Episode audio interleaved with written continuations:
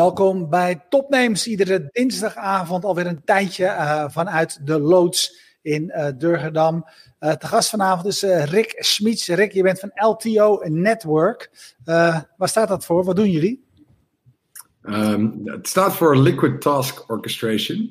Um, en het is een open source blockchain netwerk om, ja, om data eigenlijk secure te krijgen. En waarom ben je dit gaan doen? Waarom was het nodig dat dit, dat dit er kwam? Het is eigenlijk een, eh, een spin-off eh, uit uh, de onderneming Firm24.com. Uh, dat kennen veel ondernemers denk ik wel, waar vennootschappen worden opgericht, aandelen kunnen worden overgedragen en dat allemaal digitaal. Um, nou ja, er zijn een aantal stakeholders betrokken bij zo'n proces. Hè. Denk aan de notaris, de Kamer van Koophandel, de ondernemer zelf.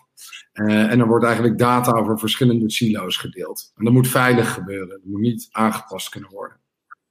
Nou, toen zijn we gaan spelen met uh, de smart contracts op Ethereum in 2014 al. Um, en toen uh, kwamen we er toch achter dat het voor workflow automation niet echt geschikt was. Um, toen zijn we eigenlijk live contracts gaan bouwen. Dat is een, uh, een hybride vorm. Waarbij je dus ja, de offline systemen die, nou ja, die, die de oude garde gebruikt, kan connecten op een blockchain. Dat je veilig data kan delen in private chains. En die worden eigenlijk, de, de datablokken van de private data die rondgaat, soms gaat het maar naar twee of drie partijen, wordt eigenlijk uh, ja, gerapt. En die wrap wordt geankerd op onze public blockchain. Zo heb je eigenlijk. Ja, ik onderbreken, want wij, wij zijn geen blockchain specialistenprogramma. Wij, het gaat hier over innovatie en nieuwe bedrijven en start-ups en ondernemen. Uh, want je gebruikt zoveel woorden die ik allemaal niet begrijp. Kun je het proberen voor mij uit te leggen. Ja, ja uh, zeker. Ja, met name, wat, wat lossen we nou op voor problemen? Ja, ja precies. Ja, nee, ja, goed. Uh, wat wij zagen is dat er in die silo's, hè, dus de, de notaris, de KVK, uh, eh, de klant, hè, ze gaan allemaal de data die ze ontvangen en moeten delen in een proces, komt binnen op een stukje papier. Vervolgens wordt het in de systemen geklopt, zodat ze automatisering kunnen toepassen op die data. Hè, dus en vervolgens gaan we het weer delen. Dan gaan we weer die, die gestructureerde data die in dat systeem zit, gaan we weer op een stukje papier zetten. Of in een mail of doorbellen. Dat is super inefficiënt, want soms wordt wel tien keer dezelfde data. Zeg je? De fax nog vergeten. Ja, de, de faxen, die bestaat zeker ook nog. Ja, dit was zo inefficiënt. En, en wij dachten, ja, god, wat kunnen we daar gaan doen? Toen zijn we eigenlijk een, een, een concept gaan ontwikkelen, waardoor dat gewoon wordt opgelost. Waarbij dat dus veilig kan en iedereen zijn eigen systemen kan blijven gebruiken. En dat is eigenlijk heel simpel wat L2 Network doet. Ja, maar hoe, hoe leg jij dat uit, zeg maar, aan die doelgroep waar jij zegt dit voor te doen? Want hè, we vroegen net, wat doe je? En ik, ik snap dat, weet je wel. Jij, je, de, de woorden die, je, die, die, die jij gebruikt, die snappen, zeg maar, de mensen die allemaal bezig zijn met die blockchain die snapt niet iedereen onmiddellijk die, eh, die, die gewone notaris, KVK-achtige routes moet doen. Hoe, hoe overbrug jij die ene wereld? Hoe kom je van die ene wereld naar die andere wereld? Ja, ja dat wilden we eerst zelf doen. Uh, en dat is een onwijs tijdrovend proces. Um, en toen zijn we eigenlijk dat via integrators gaan doen. Hè? Dus denk aan uh, nou, de bekende integrators van de overheid, bijvoorbeeld Capgemini, uh, dat, uh, dat, dat soort partijen, of een Sverion. Ehm, dat soort partijen, um, ja, die doen niets anders dan voor overheden en multinationals softwareoplossingen schrijven. En die maken altijd gebruik van bestaande oplossingen die ze aan elkaar knopen en vervolgens een dienst daarbij leveren en het onderhoud bij leveren. En wij zijn natuurlijk een open source platform, dus dat kan iedereen van de plank pakken.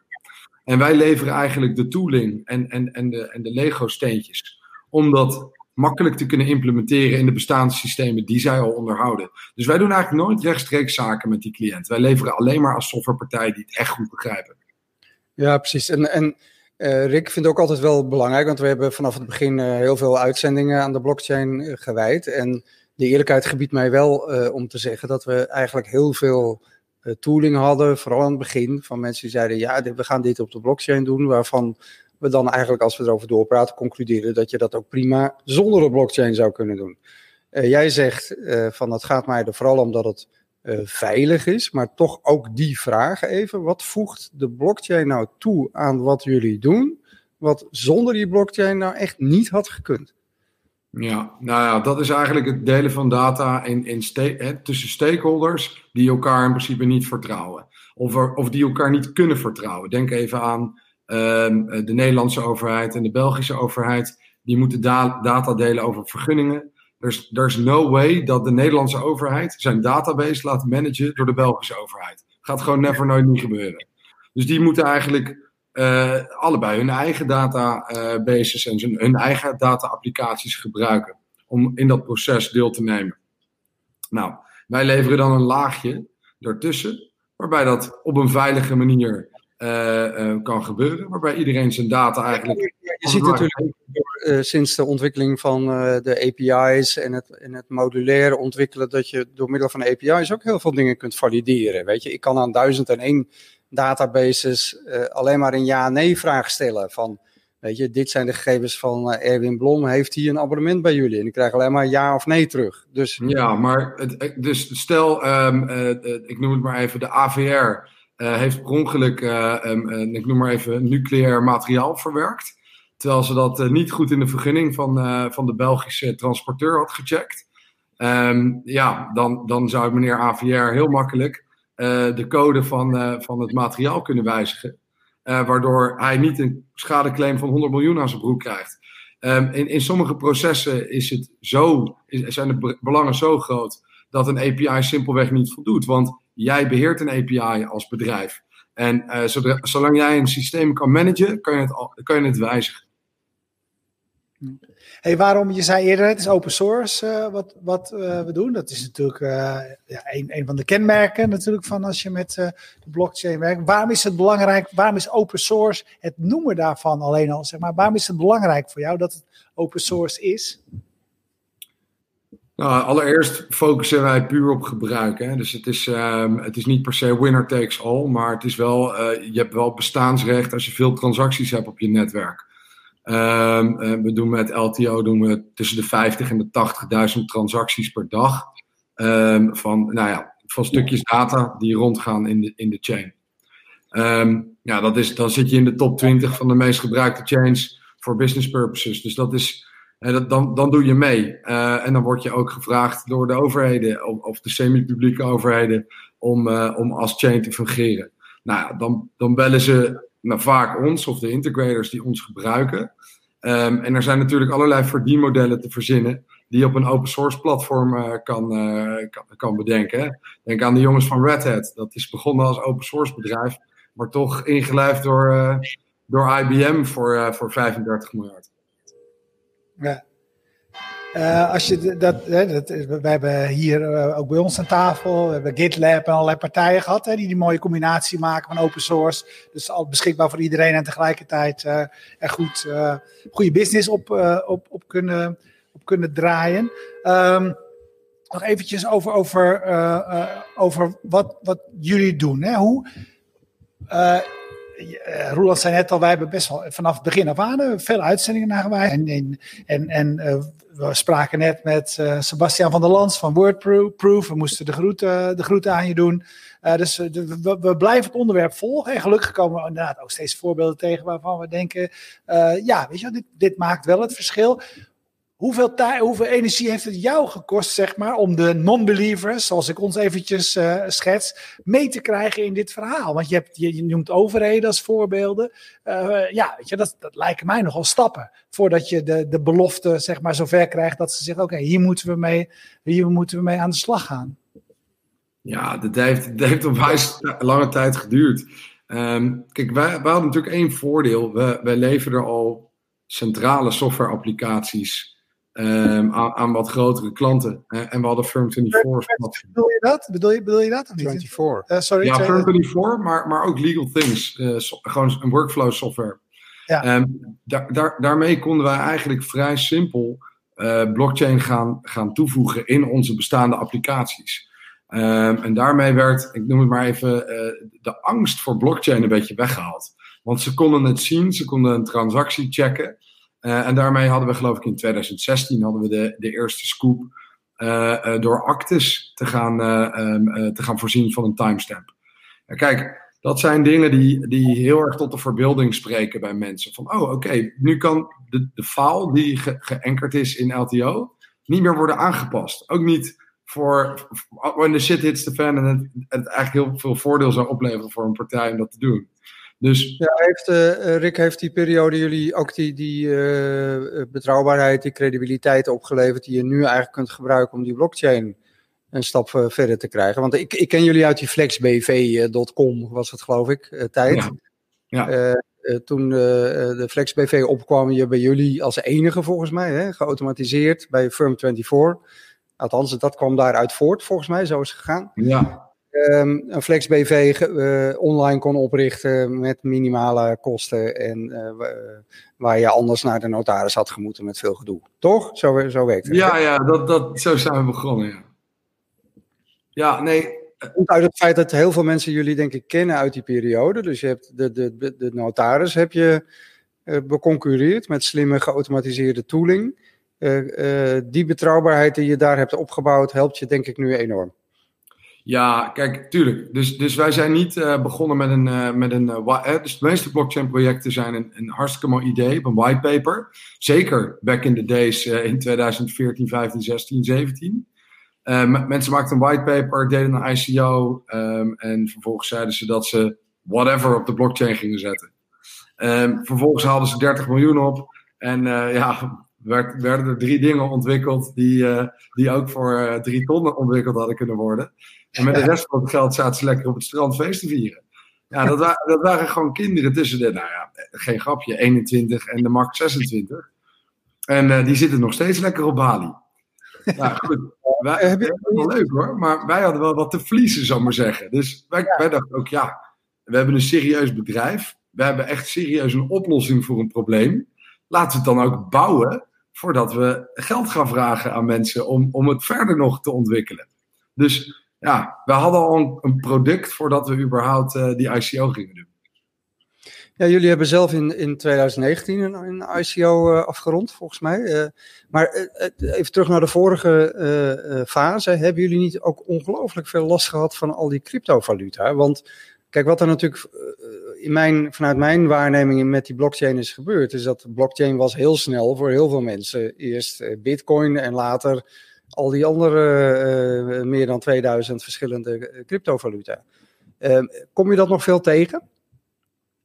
Ja, dat, dat kom je zeker nog tegen. Kijk, uh, die, die cryptovaluta, die, die, die zijn er nog steeds. Die, die, die projecten zijn, ja, die worden zelden tot nooit echt opgeheven. Het wordt gewoon nooit meer doorontwikkeld, maar die coin blijft bestaan.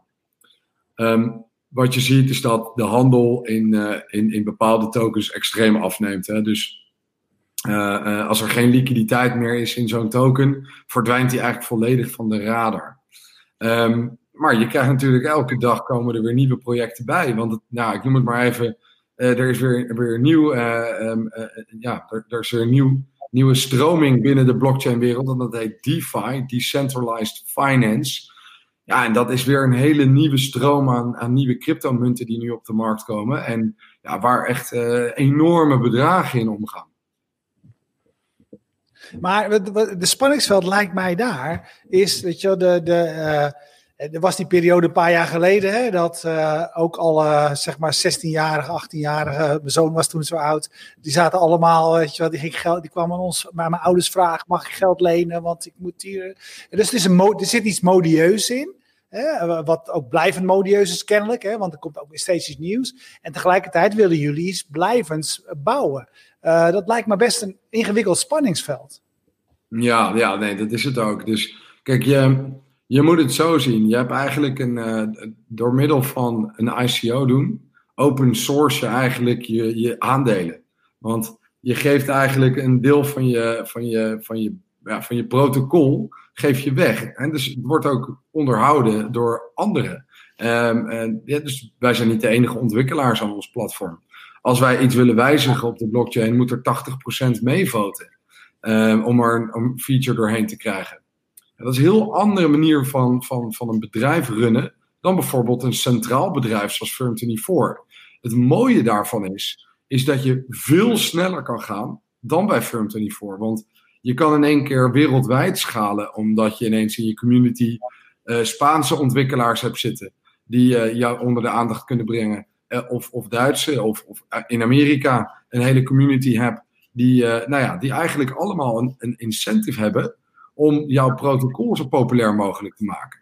Dus dit vind ik het mooie van de blockchain-wereld en, en het mooie van een, van een token uh, hebben. Het vervelende daarvan is, is dat het continu moet presteren. He, je voelt een continue prestatiedrang naar je community toe, want die verlangen natuurlijk dat jij populairder wordt en groeit en doorgroeit. En de realiteit is natuurlijk in het echte leven: een bedrijf groeit niet altijd uh, lijnrecht of hockeystick curve omhoog. Nee, Dat, je hebt ook wel eens een, anders, een andere fase in je, in je bedrijf waarbij je een soort maturity phase ingaat. Waarbij je, uh, ja, waarbij je eigenlijk een, een, vlak stukje hebt in je, in je onderneming. Hè? Dus in je groeilijn loopt dan wat vlakker. Om vervolgens weer door te, te kunnen knallen. Uh, en, ja, in de crypto-wereld zijn mensen vrij ongeduldig. Die houden niet van vlakke stukjes. hey, uh, Rick, we pakken even kijkersvraag. In dit geval van Johan Schaap, ik, uh, jou bekend. Die vraagt hoe, hoe internationaal is het platform wat jullie maken?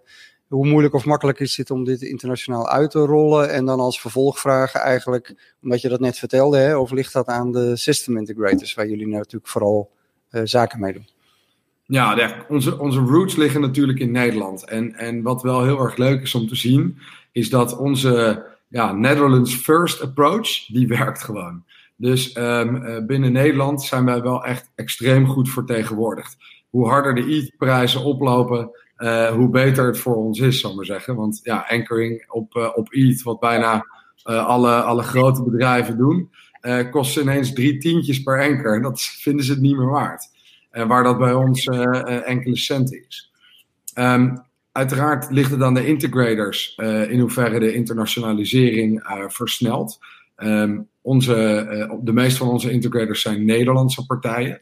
Um, echter, er zijn ook genoeg oplossingen die in het buitenland live draaien. dus in principe zijn wij niet gebonden aan een, aan een, bepaalde, aan een bepaald continent. voor ons is het kijk, de documentatie is in het Engels en elke developer kan het van de, ja, van de plank pakken en er iets moois mee maken. Dus um, ja, het ligt een beetje aan hoe goed vermarket jij je product en hoe populair ben jij in de developer communities uh, in verschillende continenten. Dus daar ligt ja, het is, het een, is het een ambitie van jullie om internationaal uh, actief te worden? met daaraan gekoppeld de vraag: hebben jullie concurrenten in andere landen? Ja, nee, ja, um, zeker hebben we een ambitie om uh, in Europa uh, in ieder geval een hele sterke footprint te hebben. Um, waarom? Um, uh, ja, Europa is, is één, onze homebase. En, en twee, ja, goed, de grote fabrics komen toch eigenlijk wel uit, uit China of Amerika. nou, dat geeft ons een, een, een eigenlijk een voordeeltje. omdat ja, wij zijn een Europees project daarvoor kom je veel makkelijker aan tafel uh, bij, de, bij de Europese Commissie. Uh, kun je meedoen en inschrijven voor alle MIT-aanvragen en H2020-projecten. waar toch heel veel um, ja, werk in, in zit voor Europa. Um, maar ook omdat er GDPR-regulation is. Hè? Dus de, de right to be forgotten en, en, en, en ja, de, de GDPR-regels om eigenlijk ervoor te zorgen dat data verwijderd moet kunnen worden.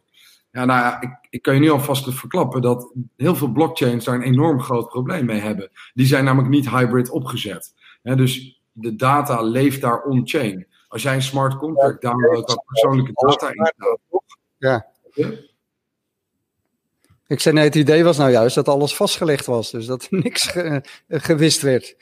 Ja, precies. Je, nou, wat je dus niet moet doen, is je moet dus geen, geen persoonlijke data on-chain zetten dus wat wij doen, wij, in, in een hybride vorm, dus in, in LTO Network uh, uh, heb je twee lagen. In de ene laag gaat de data uh, rond tussen de partijen die daar toegang toe moeten hebben. Um, op, op een enkel proces. Um, maar om ervoor te zorgen dat de data niet kan aangepast worden in dat proces, gaan we de hash van het blok van die private chain gaan we anchoren op de public chain.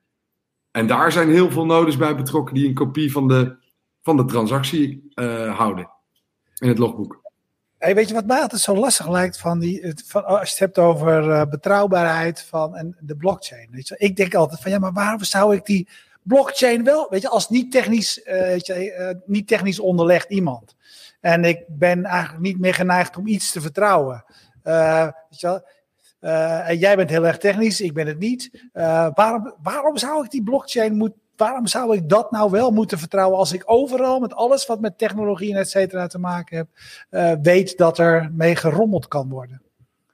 Ja, omdat je zelf achter de, achter de knoppen zit. Hè? Dus je kan je eigen ICT'er vragen van, hey, is dit in de haak? En hij kan gewoon de code controleren. En hij kan gewoon zien, nou ja, het ziet er goed uit. Data wordt ook daadwerkelijk niet opgeslagen in een publieke chain. Of het doet daadwerkelijk wat ik verwacht dat het moet doen.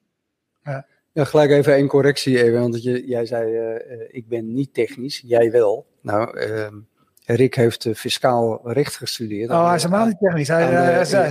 aan, de, ah, ja, aan de Erasmus Ik vertrouw jou, nee, zou ik dat maar zeggen. Dat ja. vind ik juist het fascinerende. Dat ik, wilde ik je eigenlijk vragen, Rick. Want, je hebt fiscaal recht gestudeerd, dan, dan verwacht je een glanzende carrière bij een een groot bureau ergens aan de Zuidas. Zuidas in Amsterdam? Nou ja, dat werd PwC, Deloitte, uh, weet ik waar je allemaal gezeten hebt. En uiteindelijk eindig je uh, als, als uh, ondernemer, of eindig, je zit nu als start-up ondernemer in de blockchain, in een, in een hardcore techniek, open source. Hoe is dat zo gekomen? Waar zijn voor jou de kantelpunten geweest in, weet je wel, van een, van een rechtenstudie naar wat je nu doet? Ja, dat was. Uh, kijk, het bloed kruipt waar niet gaan kan. Ik wist echt wel dat ik niet uh, partner wilde worden bij PwC. Dat dat niet mijn ambitie was. En ik vind die wereld veel te langzaam en veel te politiek. En dat ben ik zelf niet. Um, dus ik, um, ja, ik zocht eigenlijk altijd al naar ideeën. Dus om je even een idee te geven, tijdens werktijd bij uh, PricewaterhouseCoopers had ik uh, lensdeal.nl opgezet. Omdat ik uh, voor um, Grand Vision, een grote optiekketen, uh, deed ik een M&A deal. Daar zag ik dat de EBITDA-marges 70% op contactlenzen waren. Toen dacht ik, nou, hoe moeilijk kan het zijn? Ik ken iemand in die contactlenzenbranche. En ik kan wel een webwinkel in elkaar draaien. Dus, uh, Hoe was de marge zijn nou? 70? 70 procent. Jezus. Ja. ja. dat, dat is wel goed. Dus ja, ik dacht, nou, dat regel ik wel. Dat hebben we ook geregeld, lensdeal.nl. En uh, het bestaat nog steeds hoor. Kun je gewoon nog lens bestellen. En, uh, en uh, dat is overigens niet meer van mij hoor. Het is verkocht. Maar dat was eigenlijk de eerste venture. En dat ging helemaal mis joh. Van A tot Z ging dat mis. Oh, ja. Als fiscalist was ik zelfs de BTW over de Groupon deals vergeten door te rekenen. Ja, ik ging je als fiscalist nat op, op, op je eigen producten. Ja, dat is natuurlijk niet best. En ik had een foutje gemaakt in de pivot table om, om bepaalde lenzen op te zoeken. Om je even een idee te geven.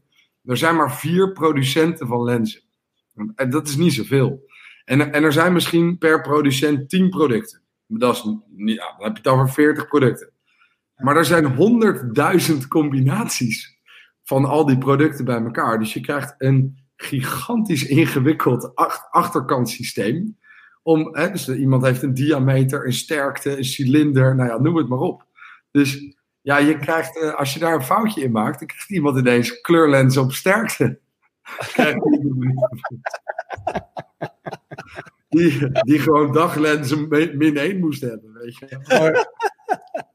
Ja, het fascinerende is dat je dat dus tijdens je werktijd bij PricewaterhouseCoopers zat te doen. Ja. ja, en we hadden natuurlijk een 24 uur promise om die spullen daar te krijgen.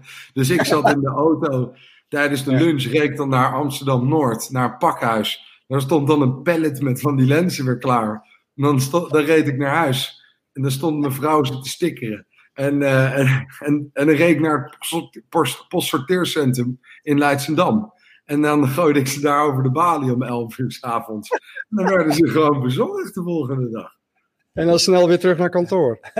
nou, dan, dan een paar uurtjes slapen en dan begon de dag weer. Ja, ja maar, maar, dat was schitterend. Toen was ik 26, ja, dat vond ik allemaal niet erg. Nee.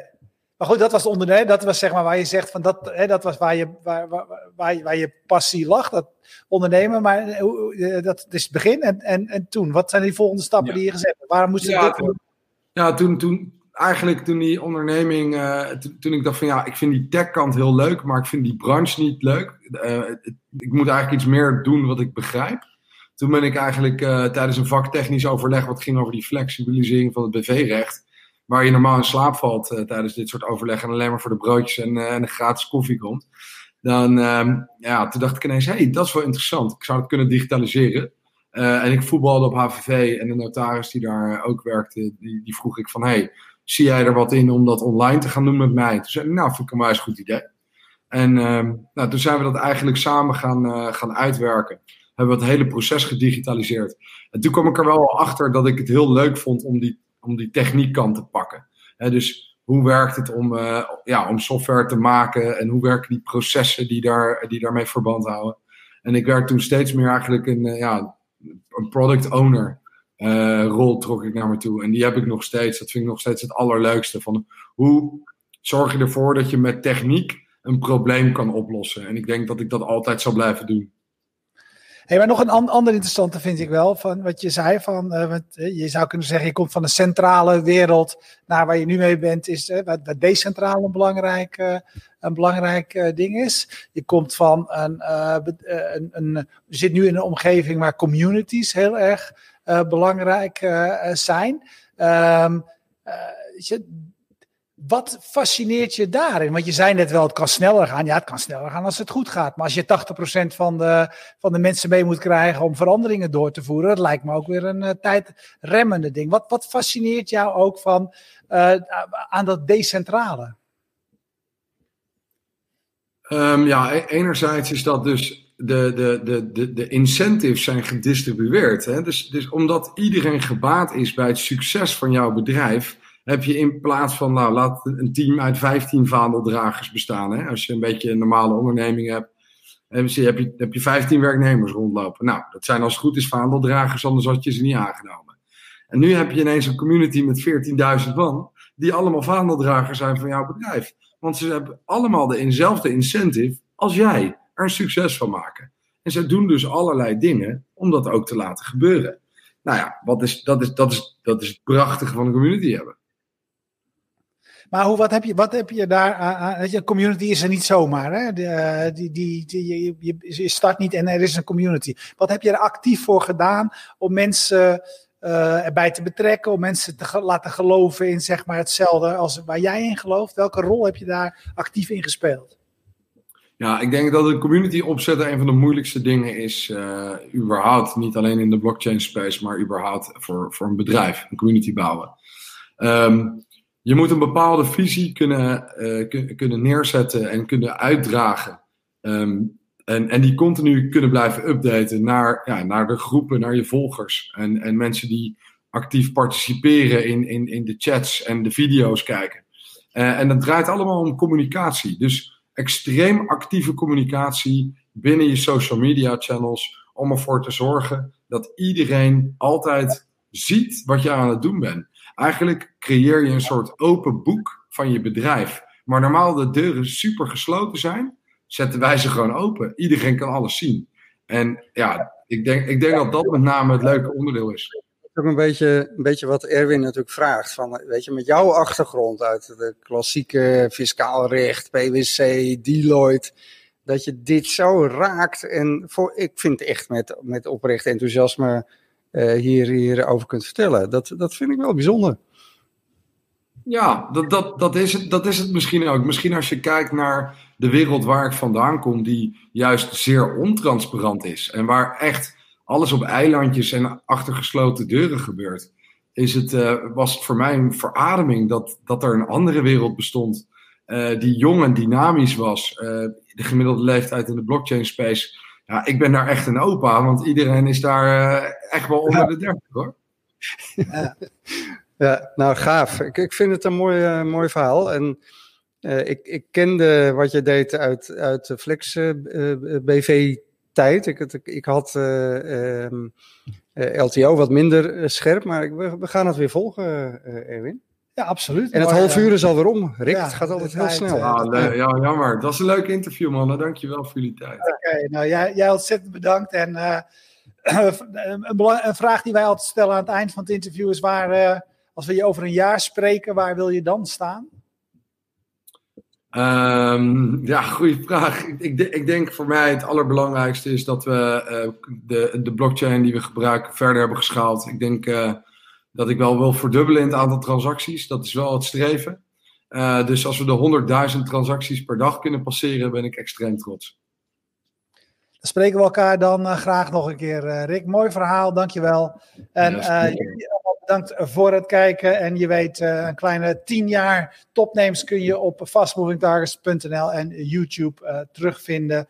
We bedanken zoals altijd uh, Jetstream, gespecialiseerd in livestreaming, PQR, hostingpartij. De loods van waaruit we uitzenden in uh, Durgedam. Wat is het uh, URL-stekel als mensen even willen kijken? Wat Deloods.amsterdam. Een mooie ja. URL heb je ook daarvoor. Ja, te huur voor al je vergaderingen. Feesten, partijen ja. en nou, blockchain bijeenkomsten. Feesten en partijen oh, nee, doen we niet hoor. Blockchain bijeenkomsten wel, toch? ja, heel graag. Ja. Uh, even denken, wie hadden we nog meer? Uh, Bier Co. voor de biertjes. En Freedom Lab, van waaruit wij doorgaans uitzenden. Maar ja, dit is ook een prachtige locatie natuurlijk. We zijn er volgende week dinsdag weer. Dag.